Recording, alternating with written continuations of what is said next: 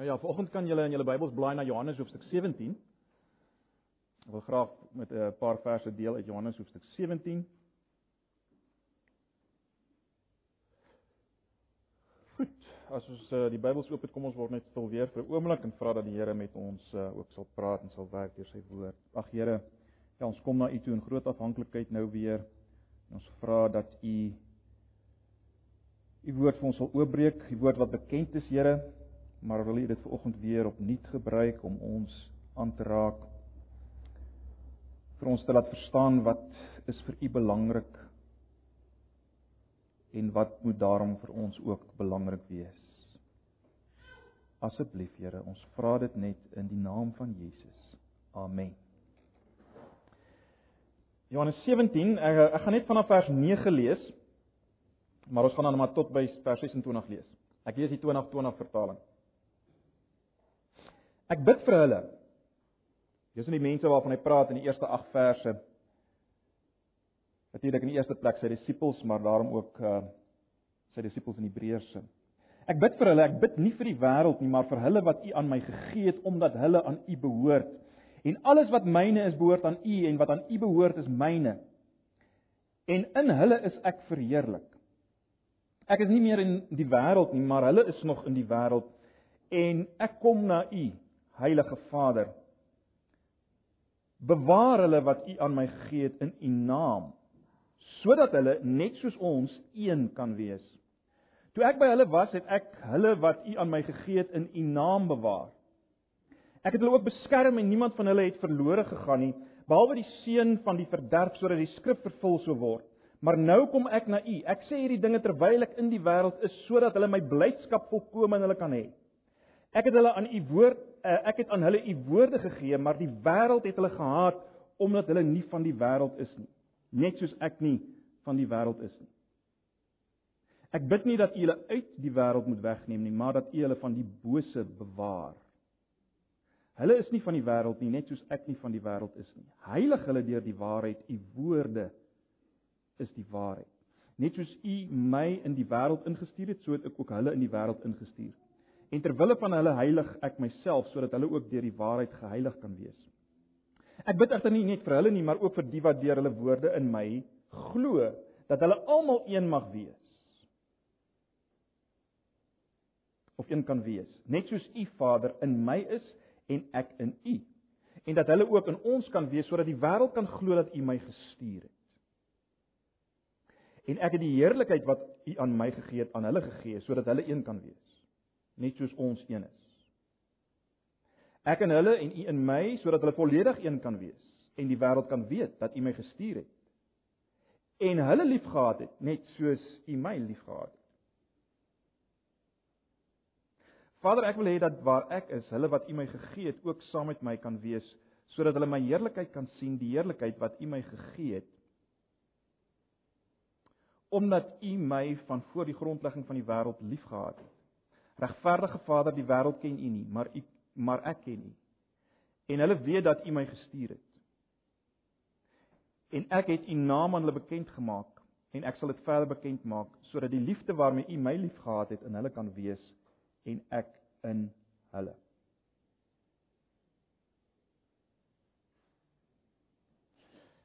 Geweldige geweldige geryk uh, gedeelte. En uh, ek wil hê ons moet uh, vanoggend net weer net daaraan raak. Ehm uh, mens kan nooit regtig die volle diepte hiervan ehm uh, om dat reg geskied as ek dit so kan stel. Ek wil begin te vra het jy ooit gewonder wat Jesus sou bid as hy in een van ons bidure moes opdaag? Waaroor sou hy bid? Vir wie sou hy bid? Wat sou hy bid?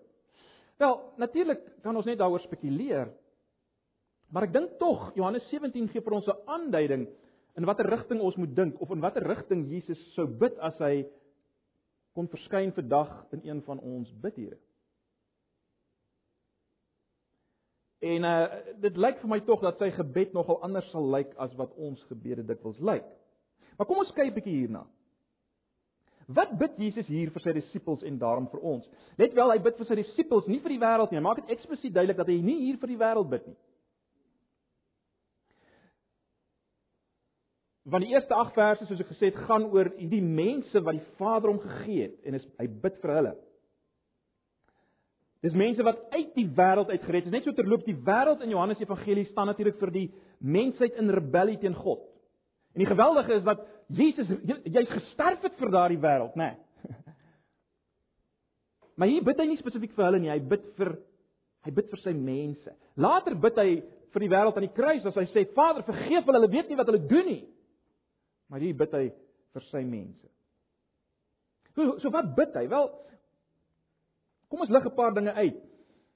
Kyk net weer na vers 11b. Vers 11b. Bewaar hulle wat U aan my gegee het in U naam sodat hulle net soos ons een kan wees. En dan ook vers 15. Ek bid nie dat U hulle in die wêreld moet uit die wêreld moet wegneem nie, maar dat U hulle van die bose bewaar. In vers 17 heilig hulle deur die waarheid. U woorde is die waarheid. So as ons dit kan saamvat, dit wat ons hier sien wat ek nou uitgelig het, bid Jesus vir sy mense se bewaring en vir hulle heiligmaking, hulle heelmaking, as jy dit so wil stel. Heiligheid gaan oor heelheid. So hy bid vir hulle bewaring en hy bid vir hulle heiligmaking en dit alleen, die feit dat hy daarvoor bid, sê vir ons iets belangrik. Dit sê vir ons dat hierdie goed gebeur nie van self nie. Bewaring en heiligmaking is nie van selfsprekend nie. Dit is nie maar net 'n gegewe as die oomblik as jy tot bekering kom dat jy gaan bewaar word en heilig word nie. Dis nie 'n gegewe nie. Dis nie van selfsprekend nie. Dis nie outomaties nie. Jesus bid dat die Vader dit sal doen vir hierdie mense soos hy dit vir hulle gedoen het toe hy op aarde was. Hy bid dit vir die Vader. So kom ons dink hieroor en kom ons kyk hierna. Ons het gesien dat Jesus bid vir bewaring. Dis die woord wat heeltyd na vore gekom het in daai verse. Bewaar. Vers 11 tot 12 en vers 14 tot 15. En dit lyk vir my hier's twee elemente in hierdie bewaar, twee dinge waarvan hulle bewaar moet word. En dit is baie duidelik aan die een kant onenigheid en aan die ander kant die bose. Onenigheid en die bose. En dit ook in sigself sê vir ons iets geweldig. En ek wil net vanoggend spesifiek stil staan op hierdie gebed vir die bewaar van onenigheid. Dis waar waarop ek wil konsentreer net. Maar dit gesê, die blote feit dat hy vir beide hierdie dinge bid, onenigheid en bewaring van die bose, sê vir ons al klaar dat uh onenigheid. En dis miskien 'n eerste punt wat wat jy kan vat vanoggend. Die eerste punt wat duidelik hier na vore kom. Dit wys vir ons dat onenigheid net so gevaarlik is as die bose. Daar's 'n verband. Onenigheid is net so gevaarlik soos die duiwel self en al sy boosheid. Dis op dieselfde vlak vir Jesus. Die bewaar van onenigheid en die bewaar van die Satan. So dit moet ons alreeds hier sien.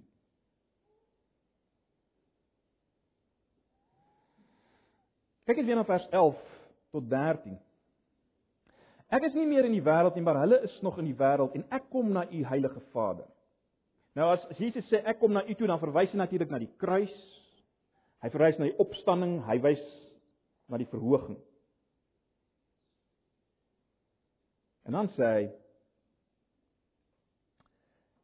En ek kom na u heilige Vader, bewaar hulle wat u aan my gegee het in u naam, sodat hulle net soos ons een kan wees. Sodat hulle net soos ons een kan wees. So Jesus bid dat die disippels en daarom ook ons wat hier sit vanoggend een kan wees. Dis die groot ding. Sodat hulle een kan wees. Nou is interessant as mens kyk na die die die die die Griekse woord hier, dit is is die betekenis daar nie om een te word nie. Dis om iets te bly wat jy reeds is en toenemend te word. So daar is 'n een eenheid, daar is 'n gegewe eenheid. Hulle is een en die gebed is hulle moet een wees. Hulle moet dit wees sodat hulle kan wees. So dit is belangrik om dit raak te sien. Maar baie belangrik, die feit dat Jesus heeltyd bid dat hulle bewaar moet word sodat hulle so kan wees, sê vir ons dat eenheid tussen gelowiges word bedreig. Dit is 'n feit, dit is 'n gegewe, dit word bedreig en dis baie duidelik hier, nie waar nie? Dis uiters belangrik vir die verstaan van hierdie versoek om te sien dat Jesus nie net bid en vra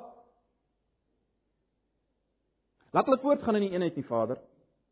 Hy bid spesifiek Vader, beskerm hulle, bewaar hulle sodat hulle verenig kan wees. Hoekom doen hy dit? Wel, verseker omdat daar bose magte is, duistere magte wat hierdie eenheid bedreig en voortgaan om die eenheid te, te wil verbreek.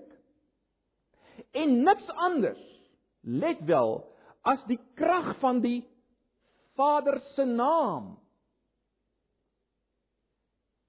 kan hulle bewaar nie. Nou wat bedoel hy met die ek weet nie of julle opgelet nie, hy bid heeltyd in u naam, in u naam, in u naam. Wat bedoel hy met in u naam? Wel, dit is nie heeltemal so eenvoudig nie, maar ek dink dit gaan grootliks daaroor die naam van die Vader. Ons weet uh, God doen alles ter wille van sy naam, sodat sy naam staan vir sy reputasie. Mense sou ook kon sê sy naam staan vir wie hy is, vir sy geopenbaarde karakter. So God se naam is die om dit eenvoudig te maak, die geopenbaarde karakter van die Vader. Dit is sy naam. En niks anders kan hulle bewaar as hierdie naam nie. Die geopenbaarde karakter van die Vader. Dis die ding wat hulle kan bewaar. Geweldig, is dit nie? Dis die ding wat hulle kan uh, bewaar, die geopenbaarde karakter.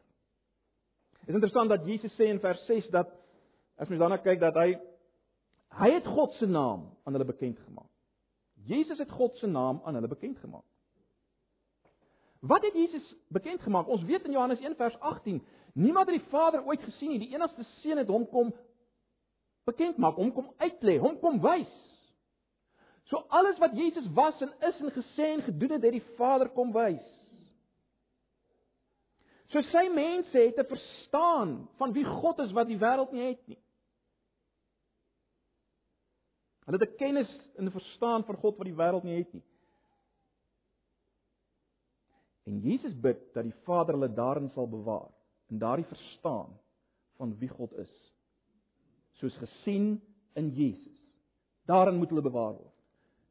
Daardie eenheid in die verstaan van wie God is soos gesien in Jesus. Gedurende Jesus se tyd op aarde het hy sy volgelinge veilig bewaar in of deur hierdie naam, hierdie geopenbaarde karakter van God soos gesien in homself. Ons sien dit in vers 12 en 13. Kyk net weer na vers 12 en 13. Toe ek by hulle was, het ek hulle wat U aan my gegee het in U naam bewaar. Ek het hulle ook beskerm en niemand van hulle verlore gegaan nie behalwe die seun van die verderf sodat die skrif vervul sou word. Maar nou kom ek na U.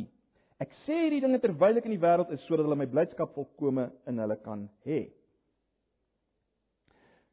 So nou dat nou dat Jesus die aarde gaan verlaat en na die Vader gaan, vra hy sy Vader om die verantwoordelikheid oor te neem van dit wat hy gedoen het toe hy op aarde was om hulle te bewaar sodat hulle een kan wees. Die belangrike ding wat ons moet raak sien is die manier waarop Jesus die disippels bewaar het en die manier waarop die Vader ons bewaar. Jesus se volgelinge bewaar. Dit waarvoor Jesus bid is die naam van God. Dis so belangrik wie hy is en wat hy doen soos gesien in Jesus. Dis die enigste onfeilbare effektiewe manier.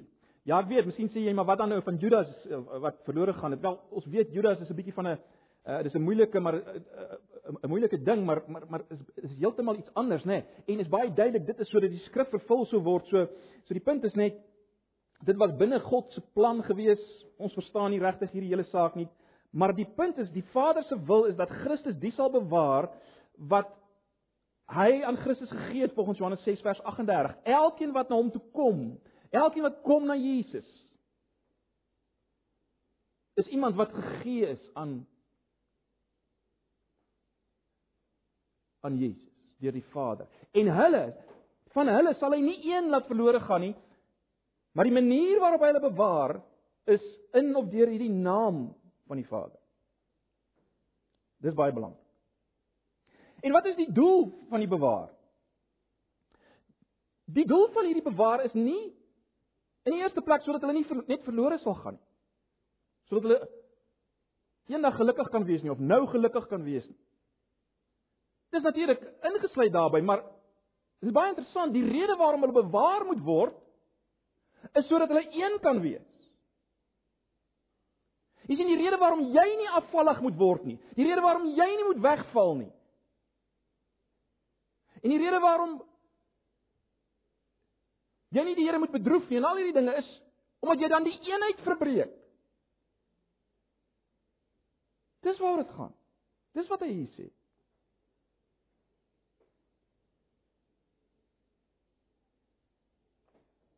Dis hoekom jy oortuig moet wees van wie God is in Jesus. Sodat jy nie die eenheid sal verbreek nie. Dis hoekom jy, jy moet vashou aan die Here sodat jy nie die eenheid gaan verbreek. Dis dis wat hy dit dis waar dit gaan. Hier, dis waar dit gaan. Nie net sodat enige gered kan word nie. Maar dit gaan ook nie hier oor 'n eenheid van om net te kan deel bly van die gelowiges nie. Dit gaan oor 'n eenheid soos Jesus en sy Vader een is, dis wat hy sê. Hulle moet een wees soos ek en u een was is. Dis wat wat op die tafel is, né? Nou hierdie vergelyking tussen die eenheid tussen ons en die eenheid tussen Jesus en die Vader natuurlik soos alle vergelykings en soos alle gelykenisse is daar een groot groot punt van ooreenstemming ons ons daar's nie altyd ooreenstemming in elke klein onderafdeling nie Ons ons eenheid kan nie presies wees soos die eenheid tussen Jesus en God nie, natuurlik nie. Ons weet dat uh Jesus en die Vader is byvoorbeeld net twee en ons is 'n magter menigte. Uh Jesus en en die Vader was saam in uh, besig met skepende werk. Ons nie. Jesus en die Vader het 'n eenheid gehad voor tyd. Nee, van alle ewigheid af en en en, en dis nie ons het nie deel aan daardie eenheid nie. So waarin moet ons een wees soos die Vader en Jesus een is? Ek dink as ons as ons mens kyk na die hele boek, dan is daar 'n paar dinge wat na vore kom. En mense het dit deur die tyd uitgelig dat dit die dinge is wat na vore kom. Die Vader en die Seun het 'n perfekte eenheid gehad in 'n paar dinge. Eerstens in liefde. Dis baie duidelik, oor en oor. Hulle het 'n eenheid in liefde gehad. Maar hulle het ook 'n eenheid in doelwit gehad. Dit wat hulle wou bereik het, was Dieselfde. Hulle het 'n eenheid daarin gehad. En dan was daar 'n eenheid in heiligheid. Dit is baie duidelik. En 'n eenheid in waarheid.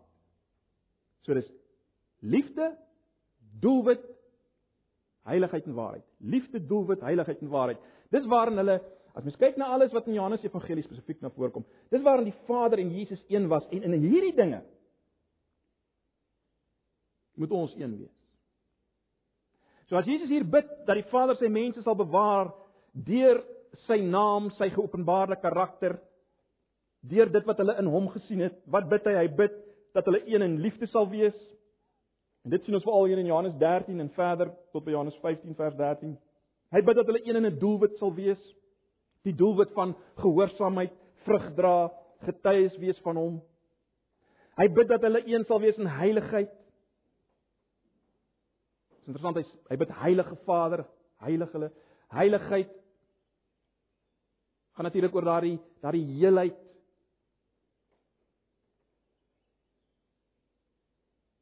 Waarin die Vader en die Seun een was.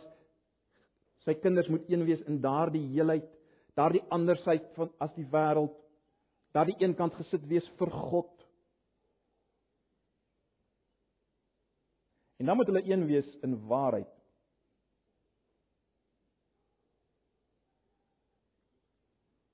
En natuurlik die waarheid kulmineer uiteindelik in die finale woord van God Jesus. En daarom kan Jesus sê ek is die weg, die waarheid. Ek is die waarheid en die lewe. So dis die waarheid waarin hulle een moet wees. Dis die waarheid waarin hulle een moet wees.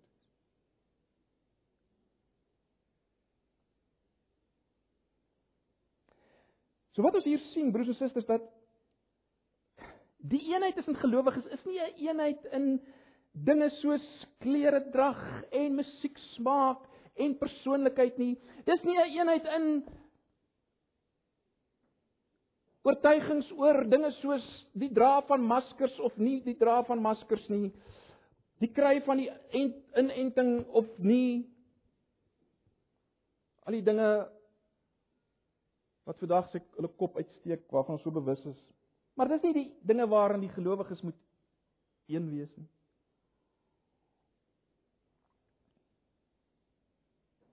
Hierdie wat ons nou gesien het, dis die eenheid. Soos Jesus en die Vader en waarskynlik Natuurlik kan dit behels dit meer aspekte en hoeke, maar ek dink as ons hierdie dinge in gedagte het, hierdie van liefde, doel, wat heiligheid, waarheid, dan het ons redelik die prentjie.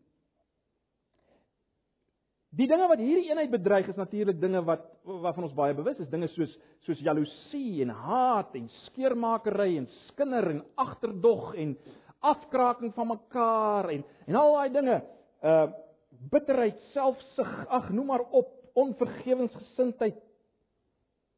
Ons tonge wat tweedrag saai. Dis al die dinge wat hierdie eenheid aantas op 'n of ander manier. As jy wil, dis sonde. Sonde bedreig die eenheid. En hoe word ons daarvan bewaar? Wel, die naam van die Vader. In ander woorde, as ek verstaan dis wie God is, soos ek sien in Jesus, dan sê ek vir myself, maar as dit is hoe God is in Jesus, en hoe Jesus is, hoe kan ek so dink en so praat en so doen? Ek dink dis die gedagte hier. Die woord bewaar wat Jesus gebruik is 'n sterk woord. Dis uh Dit is weer eens die gedagte van 'n herder wat sy skape sit in dop hou. Dis natuurlik wat Jesus gedoen het met die disippels, né? Hy het hulle heeltyd dop gehou. Hulle het verskille gehad. Julle sal weet, die disippels was nie 'n klomp engeltjies nie. Hulle was gebroken, maar Jesus het hulle bewaar. Jesus het heeltyd vir hulle gewys hoe's die Vader, né? Jesus het heeltyd vir hulle gelykenisse vertel. Wees wees soos julle hemelse Vader. Wees lief soos julle Vader. Kyk na wat ek doen ensovoorts ensovoorts. Dis wat hulle uh eengehou het. Sy lering en sy waarskuwings in die lig van wie God is, soos gesien in homself. Dis die dinge wat wat hierdie disippels bewaar het rondom Jesus. Nou in vers 20 tot 26 sien ons nog iets van hierdie waarheid van van die eenheid, né? Nee. En wat ons hier sien is dat hierdie eenheid moet uitbrei. Dis baie duidelik. So die disippels moes een wees, sy mense nou moes een wees, maar dit is baie duidelik dat hulle moes meer word. Die ouens wat deur hulle woorde tot geloof kom, moes ook een wees. So so die eenheid waarvan Jesus praat is nooit 'n eksklusiewe eenheid. Jo, ons is nou een. En daarom kan niemand by ons bykom nie. Daai tipe eenheid, mense kry dit soms onder gelowiges. Dis nie waaroor dit hier gaan nie. Daar moet meer en meer mense tot geloof kom en meer en meer ouens moet een word. Dis die gedagte hier in vers 20 tot 26, is dit nie? 'n Ander interessante ding wat so 'n bietjie weggesteek is, is hier is dat hierdie eenheid is ook 'n een eenheid in die pad wat Jesus geloop het, naamlik die pad van die kruis. En daarmee kom ons nou baie sterk weer uit by wat ons gesê het oor 2 Korintiërs. Kyk net 'n bietjie daar in vers um, 22 waar Jesus sê en ek het die heerlikheid wat U aan my gegee het aan hulle gegee sodat hulle een kan wees net soos ons een is.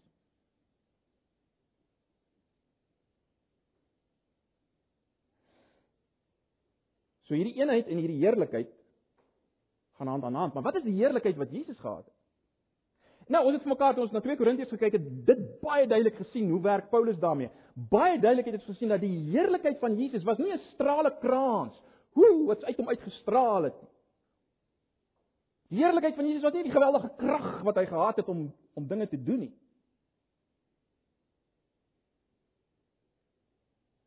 Die heerlikheid van Jesus, veral in Johannes Evangelie, is die heerlikheid van Jesus. Terloops, die verhoging van Jesus in Johannes Evangelie is die kruis.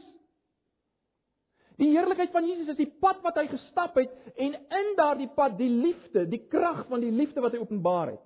Dis sy heerlikheid gewees. Dit was sy heerlikheid. En en daarom as Jesus sê hy het hierdie heerlikheid vir sy disippels gegee, dan beteken dit hulle het dit nie net gesien nie. Hulle het dit ook ontvang. Hulle gaan die hulle eenheid bestaan daarin dat hulle dieselfde pad stap. Hulle is een in hierdie pad van die kruis as jy wil. Swaar kry. Verwerping. Maar te midde daarvan 'n voortgaan in opofferende liefde. Dit sluit baie sterk aan by by dit waaroor ons gepraat het in uh, 2 Korintiërs, nie waar nie? So dis 'n eenheid ook hierin waaroor dit hier gaan. En dit bring eer aan God.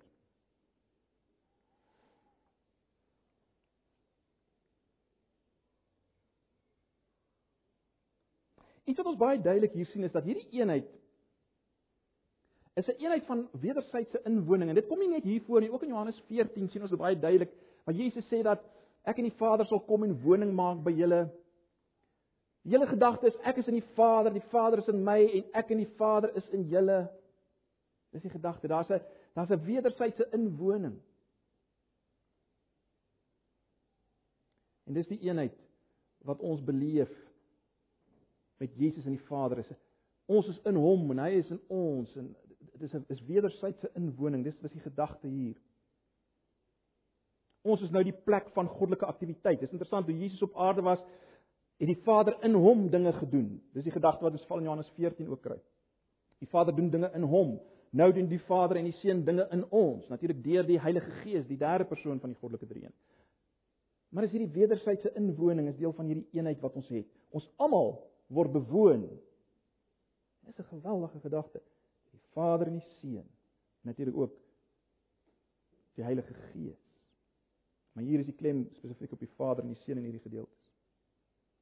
In vers 23 sien ons dat hierdie eenheid moet toeneem. Hy hy, hy gebruik die woorde, hy sê ek en hulle en u en my sodat hulle volledig een kan wees. So dit lyk vir my daar's 'n vooruitgang. Dit lyk vir my daar moet 'n toeneem wees in dit wat daar is. Dit moet net net toeneem.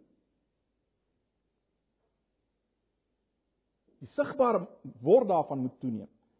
Dit is daar. Dit is daar, maar dit moet ook meer en meer toeneem. En dan natuurlik en ons het al baie hieroor gepraat.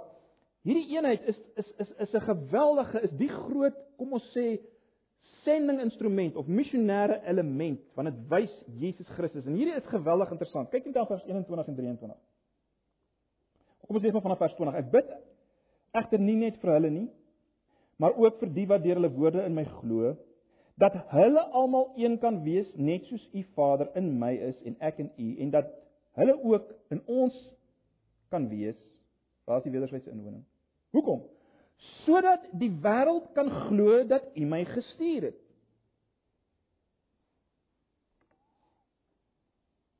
En dan vers 23 Ek en hulle en u in my sodat hulle volledig een kan wees en die wêreld kan weet dat U my gestuur het en hulle liefgehad het net soos U my liefgehad het.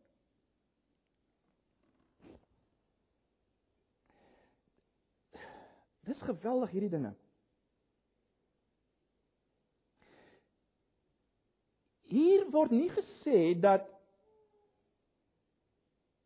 as mense die eenheid van gelowiges sien, gaan hulle onmiddellik tot bekering kom en dis dis nie die gedagte hier nie. Dit is nie wat hier gesê word nie. Maar wat duidelik gaan sigbaar word is wie die Vader is en wie Jesus is. So ons as disippels, ons as gelowiges moet praat natuurlik, ons moet getuig. Die die die Bybel is baie eh, vol daarvan. En mense kom tot geloof. Maar hier is dit baie duidelik dat ook ons eenheid, ons liefde teenoor mekaar is 'n geweldige instrument van verkondiging en dit maak Christus sigbaar en natuurlik in in, in daardie sin berei dit mense voor om hom te omhels deur die geloof. Ons liefde is onverklaarbaar vir die wêreld. Net een verklaring daarvoor kan wees dat Sjoe, daar's iets in iemand agter dit. Die Vader, Christus. Die Vader het hom gestuur. Die Vader het ons lief. Kom ek stel dit so. Ons eenheid en liefde wys vir die wêreld dat daar 'n God is, ons Vader is, wat ons liefhet soos hy Jesus liefhet. So dis die eerste ding. As ons een is in liefde en dit wat ander dinge wat ons genoem het, as ons as ons hierdie eenheid het, dan wys ons vir die wêreld wêreld dat ons 'n Vader het, dat die God van die wêreld is ons Vader wat ons liefhet soos hy Jesus liefhet. En dis 'n geweldige ding om te wys. En daarom, en dis die gedagte van vers 23, nê. Nee, sodat uh sodat hulle volledig een kan wees en die wêreld kan weet dat U my gestuur het en hulle liefgehad het, net soos U my lief.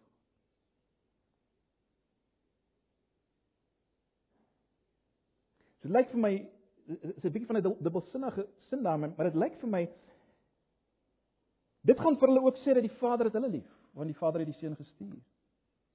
Dit gaan vir die wêreld ook sê dat hulle lief, dat die Vader hulle lief het. Aan die ander kant, as ons nie een is en mekaar liefhet nie, is daar geen manier waarop ons geloofwaardig vir mense kan sê dat die Vader ons liefhet soos die Seun ons liefhet nie. Ons kan maak wat ons wil.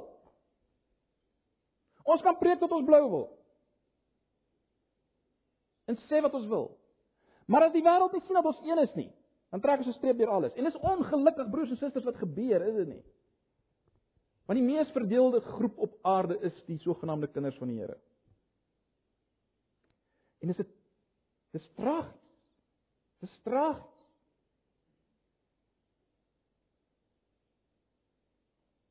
As ons nie een is en mekaar liefhet nie, kan ons nie geloofwaardig vertel dat die Vader ons liefhet soos hy die Seun liefhet nie en nog minder kan ons vir hulle sê dat die Vader en die Seun hulle lief. Want hoekom sal hulle glo dat die Vader en die Seun hulle liefhet as hulle geensins iets in ons sien van liefde vir mekaar soos die Vader die Seun liefhet? Hoe sal hulle weet die Vader die Seun lief as hulle nie kan sien ons mekaar lief nie? En dan kan hulle mos ook nie glo dat daar 'n Vader is wat hulle liefhet nie. Hoekom sal hy hulle lief hê? Want hulle sien niks daarvan nie. En dis die groot uitdaging van die kerk vandag. Ja, ek weet van al die dwaalinge en dinge en ons kan nie almal daarmee een wees. Dis dis nie waarvan ek praat natuurlik nie. Ons het gesien waar waarin is die eenheid. Maar die punt is selfs ons wat sê dat ons hierdie goed deel.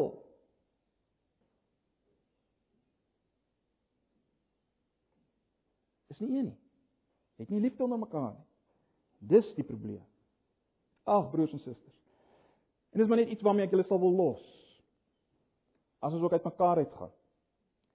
Uh as Jesus hierdie saak so belangrik beskou het, dat hy so baie tyd daaraan spandeer in sy laaste gebed wat hy bid op aarde. Dan moet ons mos sê dis belangrik. Dan moet ons daaroor dink. Ag, ek dink sommer nou, dit kom sommer net by my op. My getref toe ek so ruk terug uh, uh by die Bybelskool Efesiërs gedoen het. Luister net na Efesiërs 4. Ek wil dit sommer dit is nou nie deel van my voorbereiding nie, maar luister net na Efesiërs 4 vanaf vers 1. Daarom spoor ek julle aan, ek wat ter wille van die Here gevangene is om so te leef dat julle die roeping waarmee julle geroep is waardig is. Deur mekaar met volkomme nederigheid en saggeaardheid en met geduld in liefde te verdra en julle daarop toe te lê om die eenheid wat die Gees bewerk het let wel te bewaar deur die band van vrede, een liggaam en een gees, soos julle ook deur julle roeping tot een hoop geroep is, een Here, een geloof, een doop, een God, een Vader of een God en Vader van almal wat oor almal en deur almal en in almal is. Dis geweldig belangrik. Dis geweldig.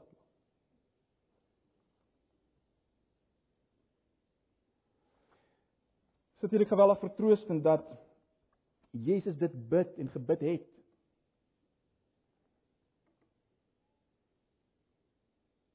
En ons kan weet dat die Vader besig is met daardie werk. Maar dit lyk vir my die logiese is dat ons dit weer ook moet bid, hierdie gebed vir eenheid onder mekaar.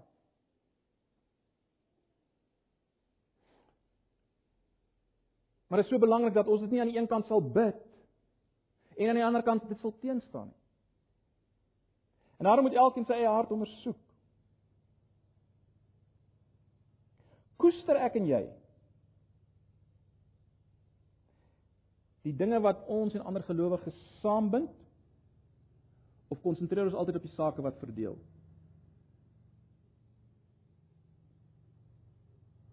Koester ons die dinge wat ons saambind of konsentreer ons op die dinge wat ons verdeel? die dinge wat lekker debatte veroorsaak. Lekker stryery veroorsaak. Lekker en aanhangsteek.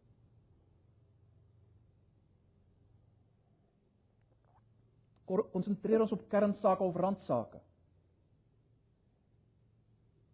Randsake. Randsake soos al hierdie dinge wat ek net ook genoem het. Rondom hoe ons moet dink oor die COVID in die maskers, in die inenting. Selfs dinge soos gestryery oor die vorm van doop en dit en dat is is, is, is seker is 'n randsaak. In die groter prentjie.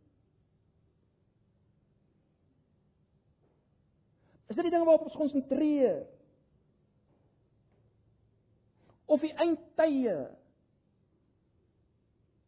Kom Jesus voor die verdrukking of na die verdrukking? Is daar 'n verdrukking? Is daar nie 'n verdrukking nie? En nie dit en nie dat. Dis die dinge waarop ons konsentreer en argumenteer en ons kan nie saam met ouens wat dit doen nie en groepe vorm. Dit word al kleiner en kleiner. Net jou groep is later reg want net jy verstaan die uitverkiesing op hierdie manier en dis die regte manier. Skreiend. As ons verdeel oor verstaan van enkele tekste. As jy nie almal soos ek hierdie teks verstaan nie, almal moet dit dieselfde verstaan anders dit Ag, broers. Mag ons 'n nuwe visie kry van die belangrikheid van eenheid. En hierdie groot dinge. Liefde. Doelwit. Heiligheid. En die waarheid soos in Jesus. Dis die dinge wat waarop ons moet konsentreer. En daarom moet ons onsself heeltyd vra, hoe praat ek oor ander Christene? Hoe dink ek oor ander Christene?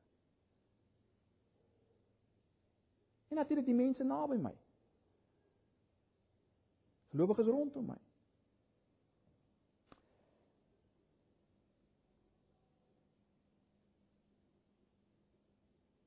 Dis waarskynlik die gebied waarop ons die meeste moet bely, sonde moet bely. Ons dink nie so nie. Weet ons dink nie so nie. Maar dit dit lyk vir my as ons sien hoe belangrik dit is vir Jesus, is dit die groot sonde. In die kerk van die Here is dit die groot sonde. Oneenigheid.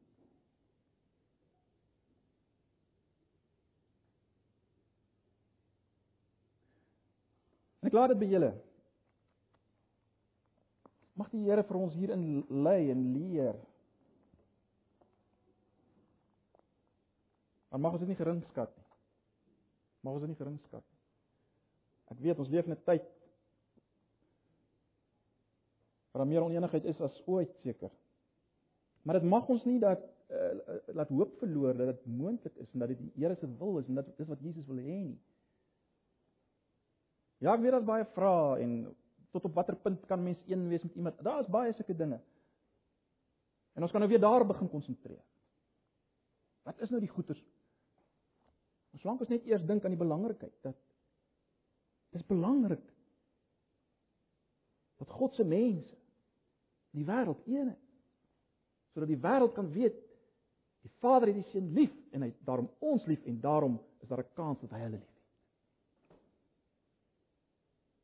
Ag, Mag die Here ons hierin lei en leer tot sy eer.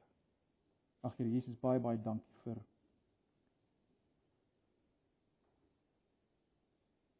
die laaste gebed.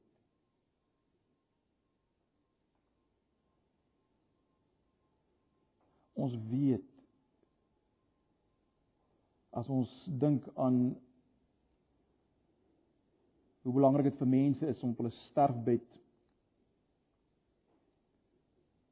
die belangrikste dinge te noem, dan weet ons dat hierdie dinge wat u hier noem in hierdie gebed is absoluut belangrik. En help ons binne ons raamwerk waar ons beweeg om dit te verstaan asseblief. Ons vra dit net in Jesus se naam. Mag nou die genade van ons Here Jesus en die liefde van God en die gemeenskap van sy Heilige Gees met ons elkeen wees en bly. Amen.